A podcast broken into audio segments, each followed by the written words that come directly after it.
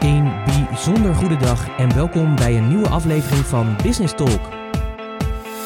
Dit is de podcast die gaat over ondernemen, de mooie kanten, de successtrategieën, maar ook alle fuck-ups en nog zoveel meer.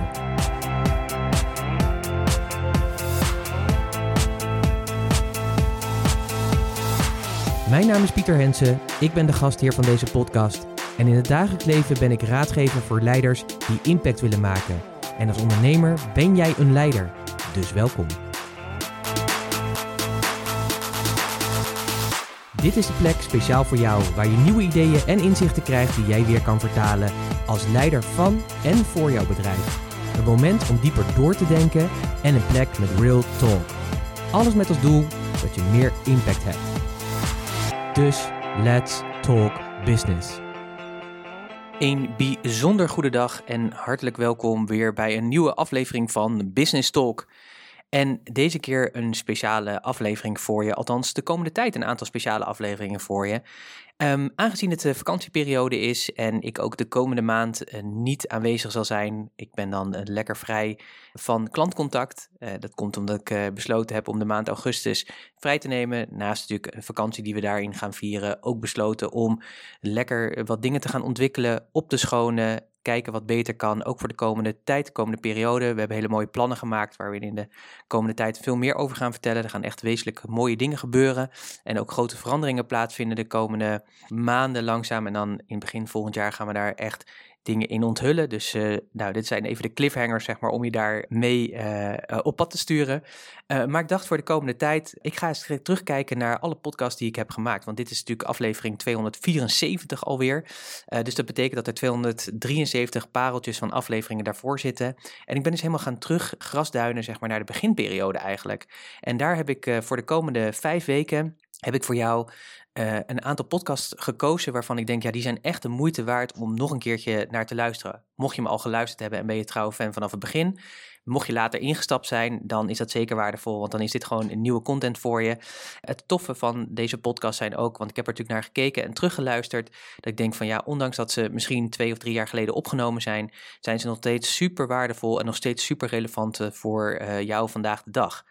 Uh, zo ook deze aflevering. Uh, ik ga het met je hebben over hoe kun jij ervoor zorgen dat je jouw klantwaardestrategie uh, verbetert en waardoor je dus meer waarde kan leveren. Deze podcast die komt uit september 2017, heb ik toen opgenomen. En ik neem je mee hoe jij kan zorgen dat je die klantwaarde kan, ja, kan vergroten. Er zitten ook podcastnotities bij, waarin ik het model wat ik ga gebruiken in deze podcast toelicht met een paar aantal waardevolle vragen die je gaan helpen om die klantwaarde zeg maar beter te formuleren en te zorgen dat je daarmee je bedrijf uh, laat uh, groeien. Dus ik zou zeggen, laat je meenemen. Um, de podcast die is geïnspireerd uh, op een avond dat ik ben wezen eten met Annemieke toen ze 30 werd bij toen nog Liberij Zusje in Amsterdam. Inmiddels heet dat Spectrum, Spectrum Fine Dining in Amsterdam. Zit in de World of Historia. Die podcast die gaf de inspiratie. Ik eh, neem die podcast uh, vroeg op, om half zes ochtends. was blijkbaar wakker en geïnspireerd om die podcast uh, op te nemen voor je. Dus als je hem in het begin hoort, dan is mijn stem nog niet zo geolied als dat die nu klinkt. maar desalniettemin denk ik dat het een hele waardevolle podcast voor je is. Ik zou zeggen, ik wens je heel veel luisterplezier en spreek je graag weer aan het einde van deze podcast. Goedemorgen. Het is nog een beetje heel erg vroeg om precies te zijn. Het is half zes. En ik ben vroeg opgestaan omdat ik deze podcast eh, wilde opnemen. Dus als je mijn stem hoort en hij is nog niet helemaal zo geolied als dat je normaal van me gewend bent, excuses daarvoor. Maar dat heeft er ook mee te maken met ja, eigenlijk wel de experience die ik gisteravond heb gehad. En daar wil ik heel graag dingen met je delen, want dat was zo bijzonder. Uh, ik ben uh, deze week ben ik een aantal dagen in Amsterdam voor mijn werk. En uh, gisteren heb ik gegeten samen met Annemieke, mijn vrouw en tevens businesspartner bij Liberije Zusje hier in Amsterdam. Zij hebben twee Michelinsterren en zij zitten in het hele mooie Waldorf Astoria aan de Herengracht. Fantastisch pand. Het bestaat uit zes herenpanden van die mooie statige woningen. En die hebben ze aan elkaar gekoppeld. En we waren daar wezen eten omdat Annemieke die werd gisteren 30. En het leuke is, toen ik 30 werd, en dat was, nou ik wil niet zeggen vorige eeuw, maar het scheelde niet veel. Toen heeft ze mij meegenomen naar Liberije Zusje en dat zat toen nog in Zwolle. En ik denk dat het zelfs toen nog één ster had, Michelinster. En voor degene die niet goed weten, ik zei het al, het is een sterrenrestaurant. De Liberije in Zwolle, dat is, een, dat is echt het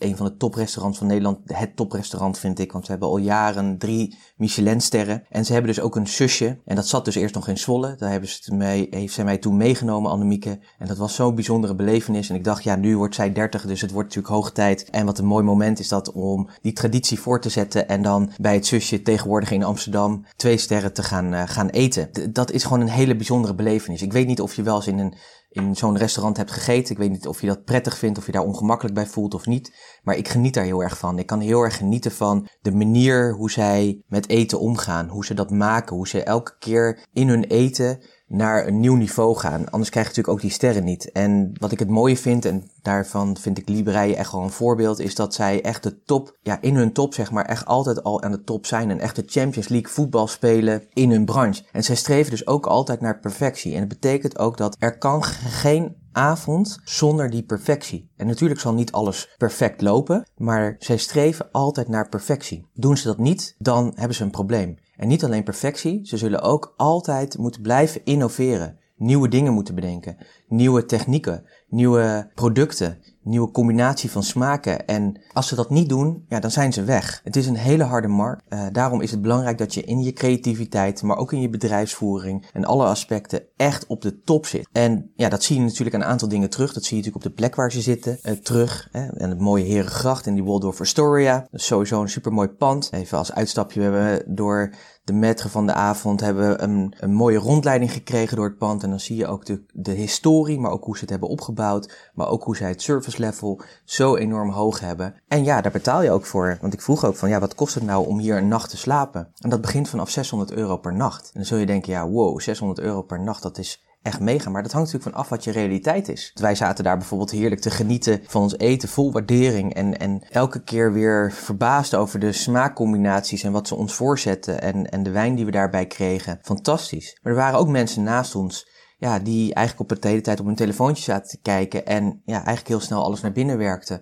Omdat het, dat voor hun zeg maar business as usual is. Dat ze blijkbaar regelmatig in deze realiteit zitten en daardoor dus niet meer verrast zijn over ja, wat daar geboden wordt. En ja, daar heeft het natuurlijk mee te maken. Waar kom je natuurlijk vandaan? Nou, ik vond het een hele waardevolle ervaring om weer dat mee te maken. En ik vind dat heerlijk, want je wordt echt verwend. Ik weet nog de eerste keer toen ik in zo'n restaurant kwam, dat was bij Liberij Susje toen ik uh, 30 werd. Toen vond ik dat een beetje ongemakkelijk. Inmiddels heb ik dat meer mogen doen. En ik vind het heerlijk. Ik vind het heerlijk dat je, ja, dat je op die manier echt als koning wordt behandeld. Dat, je, dat ze alles eraan doen om jou de meest fantastische avond van je leven te geven. En dat is heerlijk. En als je dan ook nog met je mooie vrouw mag zitten, nou dan ben je natuurlijk helemaal de koning te rijk. En wat ik ook het knappe vind, is dat zij heel goed kunnen aanpassen en aanvoelen wat hun klant wil, wat ze nodig hebben. Niet alleen zeg maar natuurlijk in het eten, dat is helemaal super, maar de obers die ons bedienden, de mensen die ons bedienden, die voelen dat feilloos aan. Daar worden ze natuurlijk ook op getraind en geselecteerd. Dat ze precies weten ja, wat jij nodig hebt, hoe jij als mens in elkaar zit. We zijn relatief jong, we houden van een grapje, we houden van heel erg goede wijn. Annemieke is een goede wijnkenner. Dus ja, dat geeft natuurlijk al meteen een andere band. Dus daardoor merkte je ook dat de manier hoe ze ons behandelden was zeg maar heel servicegericht, maar wel elke keer met dat grapje, die kwinkslag, het schuurt een beetje, maar het mag bij ons zeg maar. Dat past heel erg en dat was heel erg gaaf. Terwijl natuurlijk die, in die zaal zitten natuurlijk meer mensen te eten en ik heb natuurlijk ook even om me heen gekeken. En je ziet dat er op een gegeven moment zat er ook een stel, ja, die veel meer wat, ja, wat, wat strakker was, zeg maar, die veel meer op afstand was. En ook die behandelden ze precies met de juiste egaars die nodig waren voor deze mensen om hun meest fantastische avond te beleven. En dat vind ik zo knap. En dat heeft mij ook de inspiratie gegeven voor deze super interessante podcast. Want ik heb zitten nadenken over wat doen zij nou eigenlijk precies? En ik ben voor je op zoek gegaan en ik moest meteen ook denken toen ik er was. Ja, wat zij doen is zij gebruiken het model van Tracy en Wiersema. En als je dat nog niet kent, dat gaat over klantwaardestrategieën. En ze hebben daar, daar is een boek over geschreven. Ze hebben een model gemaakt. En dat boek heet De Discipline van de Marktleiders. En ik wilde graag dat model met je delen, want ik denk dat het heel waardevol voor je is om ook eens op die manier naar je bedrijf te kijken. Tracy en Wiersma, wat hebben ze gedaan? Ze hebben drie elementen onderschreven, drie manieren onderschreven hoe jij in je markt marktleider kan worden op klantwaarde. Hoe doe je dat nou eigenlijk? Wat ik al zei, er zijn drie manieren van. Het is een model. En het mooie van een model is natuurlijk, vind ik altijd, dat een model een complexe realiteit simpel maakt. Ik heb het model natuurlijk ook in de podcastnotities opgenomen. Dus ga even naar puurs.nl slash podcast 8. Puurs.nl slash podcast 8. En download ook even die notitie, want dan heb je het model voor je. als je die mogelijkheid hebt, dan kan je het of gewoon uitprinten of letterlijk gewoon op je tablet of pc of waar je ook hier uh, naar luistert op je telefoon. Kun je het bekijken en dan kun je gewoon meekijken. Misschien dat je dat helpt. Zeker als je zoals ik visueel ingesteld ben, word ik daar wel heel erg blij van. Dus puurs.nl slash podcast 8, daar kun je het model downloaden. En ik heb natuurlijk ook wat waardevolle vragen voor je weer, die je gaan helpen om op deze manier eens naar je bedrijf te kijken. Nou, wat ik zei, zeg maar, zij hebben een model ontwikkeld, een driehoek. Ik zal eerst die drie elementen met je delen. De eerste is productleiderschap noemen ze dat. Productleiderschap. En productleiderschap wil eigenlijk niet anders zeggen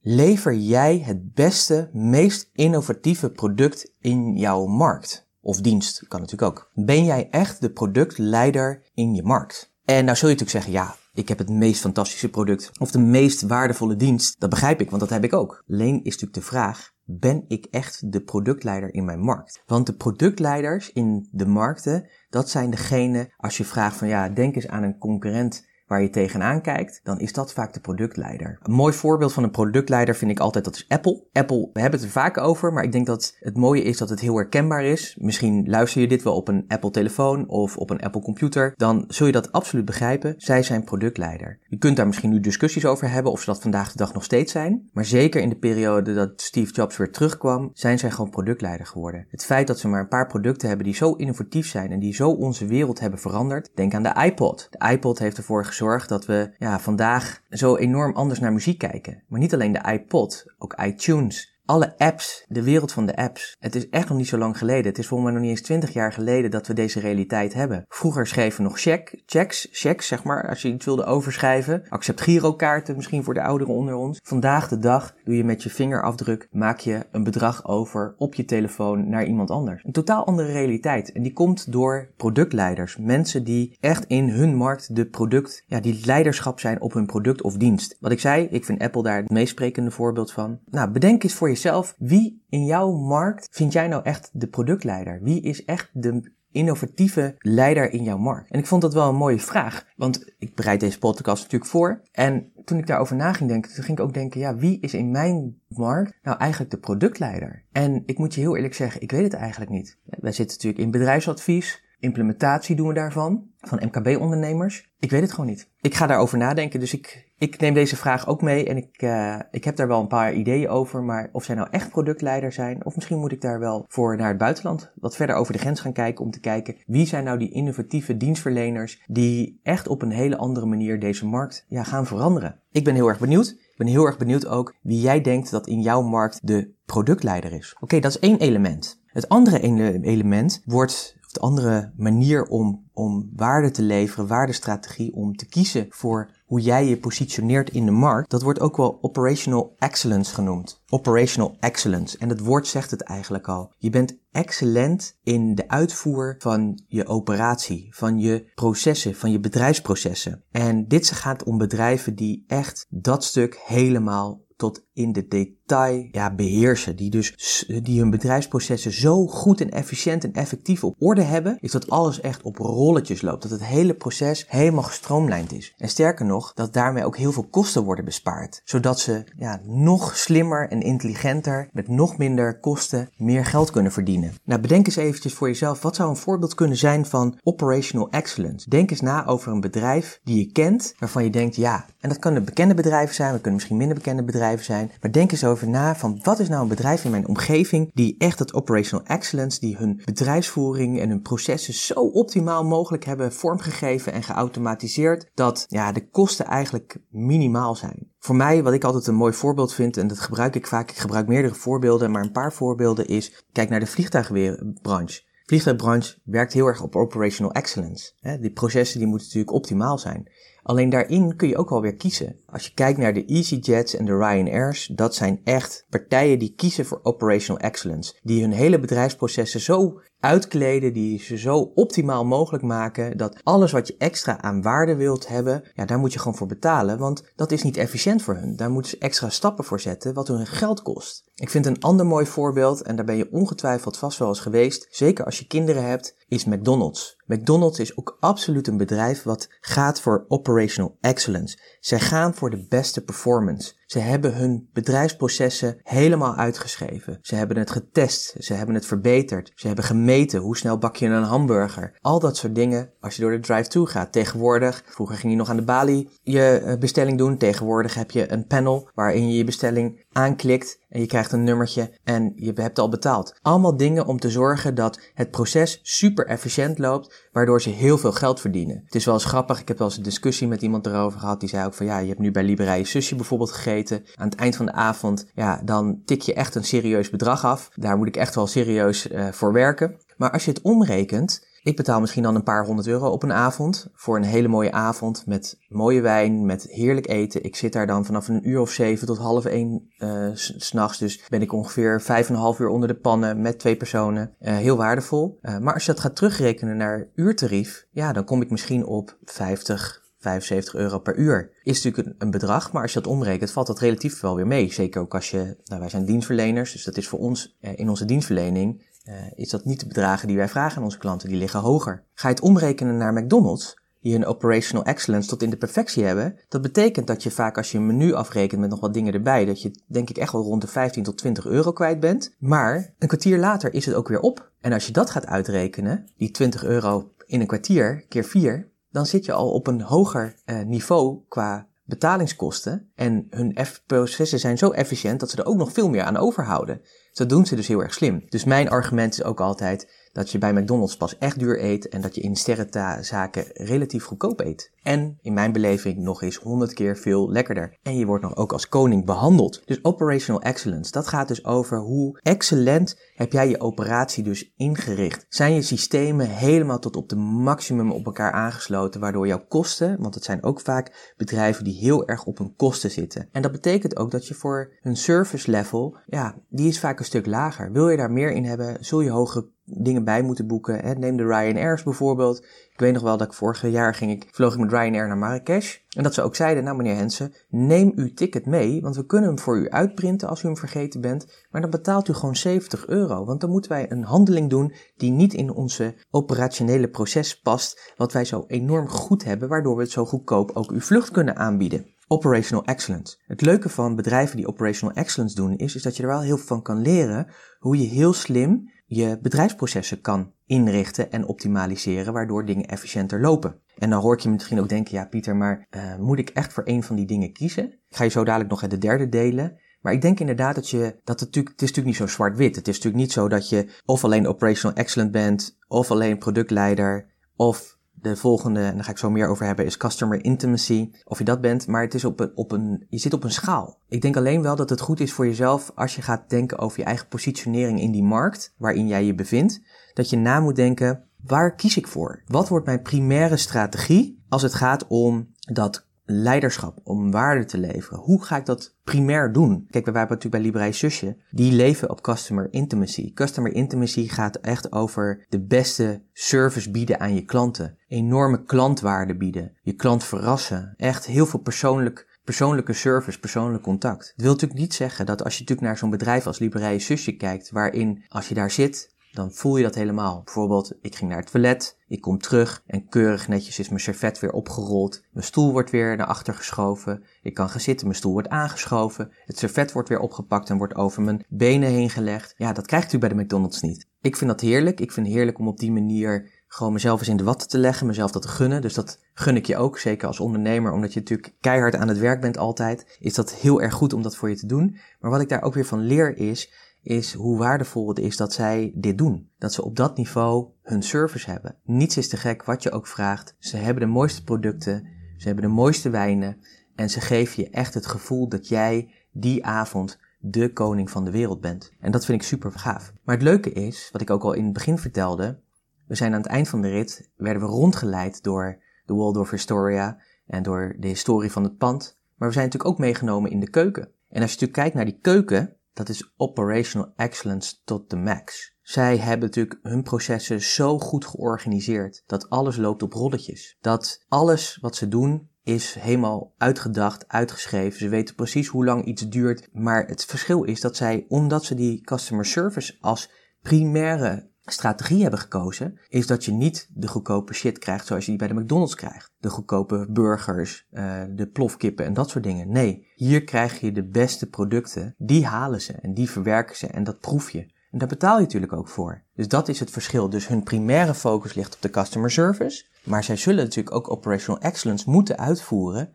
om te zorgen dat die geoliede machine die het is, en dat zul je merken als je binnenkomt, je wordt welkom geheten, je wordt in een stoel, je ziet allerlei dingen gebeuren, er wordt meteen gevraagd wat voor water je wil, uh, je krijgt een amuse, weet je, dus die machine die gaat dan lopen. En dat heeft natuurlijk allemaal met operational excellence te maken. Dus het is niet zo zwart-wit, alleen het is wel zeg maar dat je kiest voor een van de primaire strategieën. Nou, die customer service, dat is denk ik een hele waardevolle, zeker als je dienstverlener bent. En ook daarin kun je natuurlijk voor kiezen wat je daarin wil. Ook als dienstverlener kun je natuurlijk kiezen om meer op die operational excellence te gaan zitten. Of ga je juist kiezen op je productleiderschap.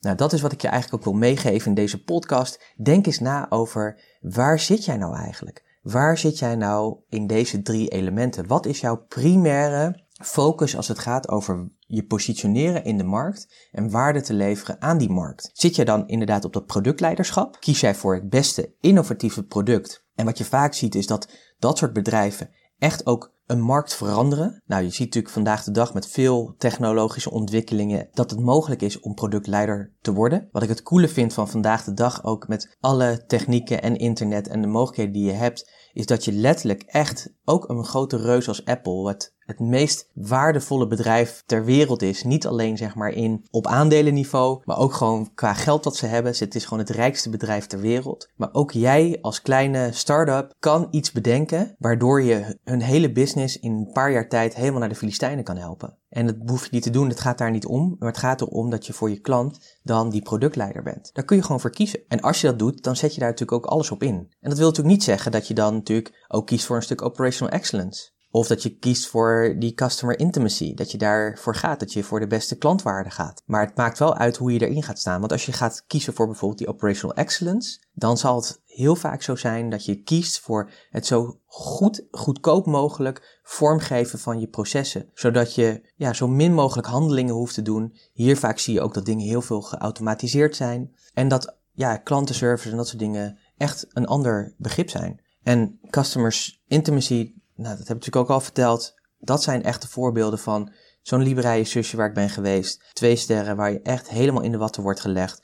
Waar de persoonlijke relatie een hele belangrijke is. En toch kun je ervoor kiezen om te mixen met deze, met deze uh, drie verschillende primaire keuzes die je kan maken. Nou, dat wil ik je ook uh, vragen. En dat heb ik ook natuurlijk weer opgenomen in de podcastnotities. En die kun je natuurlijk downloaden op puurs.nl podcast 8. Puurs.nl podcast 8. Denk eens na over waar bevind jij je? Welke van de drie strategieën om je te positioneren en waarde te leveren in jouw markt heb jij gekozen? Of misschien heb je dat heel bewust gedaan, of misschien heb je dat helemaal niet bewust gedaan. Maar kijk eens, waar zit jij? Wat is jouw meest primaire strategie? Zit je nou op dat productleiderschap? Zit je nou op die operational excellence? Of zit je nou juist heel erg in die customer service? Waar zit je nou?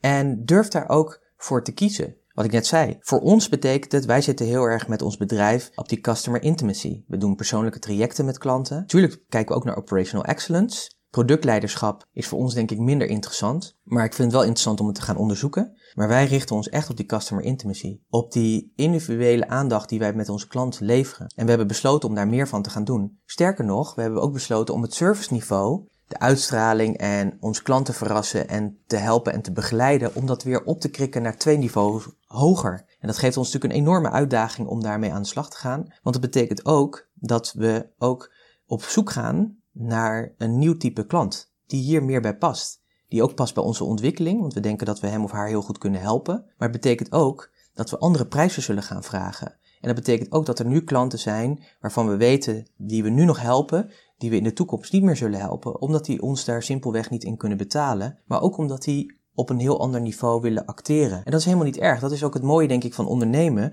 is dat je verder kan groeien. Maar ik denk wel, en dat heeft mij ook weer getriggerd, ook door, in die keuken te kijken, dat ik dacht van ja, hoe ziet onze keuken bij Puurs eruit? Hoe ziet dat er nou eigenlijk uit? He, waar kunnen wij die operational excellence aan de achterkant van ons bedrijf, hoe kunnen we bedrijfsprocessen zo efficiënt inregelen dat ik er minder tijd mee heb, maar wel op een manier dat we nog meer waarde gaan leveren aan onze klanten. Dus customer intimacy is onze primaire strategie. Sterker nog, wat ik zei, we gaan hem dus nog upgraden ook. En daar heb ik heel veel zin in om daarmee aan de slag te gaan. Want dat geeft ook weer heel veel creativiteit om daarover na te denken, om daarmee aan de slag te gaan. Ik wil nog één ding meegeven. En dat is met name voor de dienstverleners als je aan het luisteren bent. Als dienstverlener ben ik van mening dat je eigenlijk altijd je primaire focus zou moeten hebben op die customer intimacy. En zeker als je een wat kleinere dienstverlener bent. Als je de kleine MKB'er bent. Als je de zelfstandig professional bent of de kleine MKB'er met een paar man personeel. En je bent dienstverlener, dan heb je eigenlijk geen andere keuze. Wil je gaan zitten op productleiderschap of operational excellence, en tuurlijk kun je daar naar kijken, maar wordt dat je primaire strategie, dat ga je niet winnen. Want dat zijn de grote jongens in jouw markt die dat al doen. Dat zijn, stel je voor dat je een verzekeringsagent bent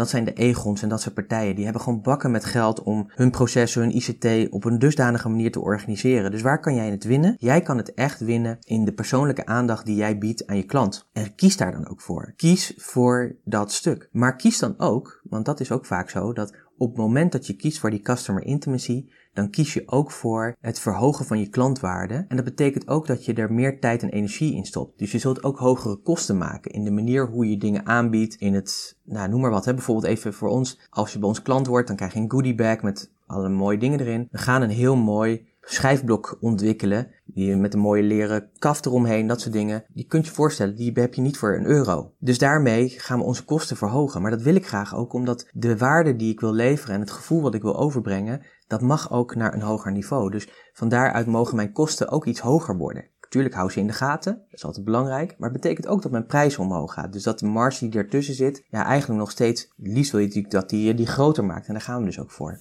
Maar ik zie heel vaak nog te veel ondernemers en zeker wat meer de kleinere ondernemers, eh, dat ze kiezen voor die customer intimacy. Dat een beetje half doen. Dus kies ervoor, ga er helemaal voor. Maar durf dan ook te kiezen om je prijsstelling daarop aan te passen. Als je dat wil natuurlijk. En als dat bij je klantgroep past. Want dat is natuurlijk een belangrijke. Maar als je ervoor kiest, Doe dat dan ook, want daarmee word je ook geloofwaardiger. Je kunt je voorstellen als je een dienst aanlevert met een hoge klantgerichtheid en je levert die dienst bijvoorbeeld, ik noem maar wat, uh, we hebben natuurlijk heel veel coaches. Stel je voor je zou uh, business coaching doen, je levert één op één veel waarde, je zegt dat je veel resultaten oplevert, dat je echt bedrijven verder kan ja, professionaliseren, waardoor ze meer omzet genereren en meer rendement uit een bedrijf halen. Ja, en je, en je vraagt daar 50 euro per uur voor. Ja, sorry, dan, uh, ja, dan kan ik je gewoon niet serieus nemen. Dus neem jezelf daarin ook serieus. Dat wil ik je gewoon meegeven. Kies daarvoor. Ik hoop dat je geïnspireerd bent geraakt door deze podcast en door mijn ervaring die ik heb opgedaan binnen Libraïe Susje.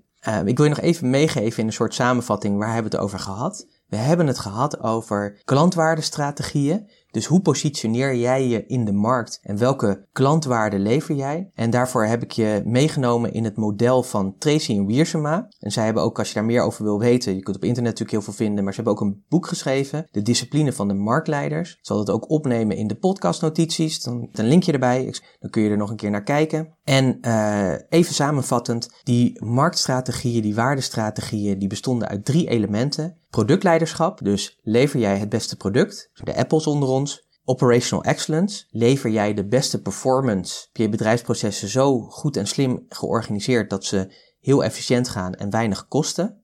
Denk bijvoorbeeld aan een McDonald's. Of is jouw primaire strategie meer de customer intimacy? En dat zegt het eigenlijk al. Ben je meer intiem met je klant? Lever jij de beste service, de hoogste waarde, de meest persoonlijke aandacht? Kies voor een van die strategieën wat ik ook al in deze podcast zei, het is niet zo dat die anderen dan er niet zijn. Daar kun je ook voor kiezen.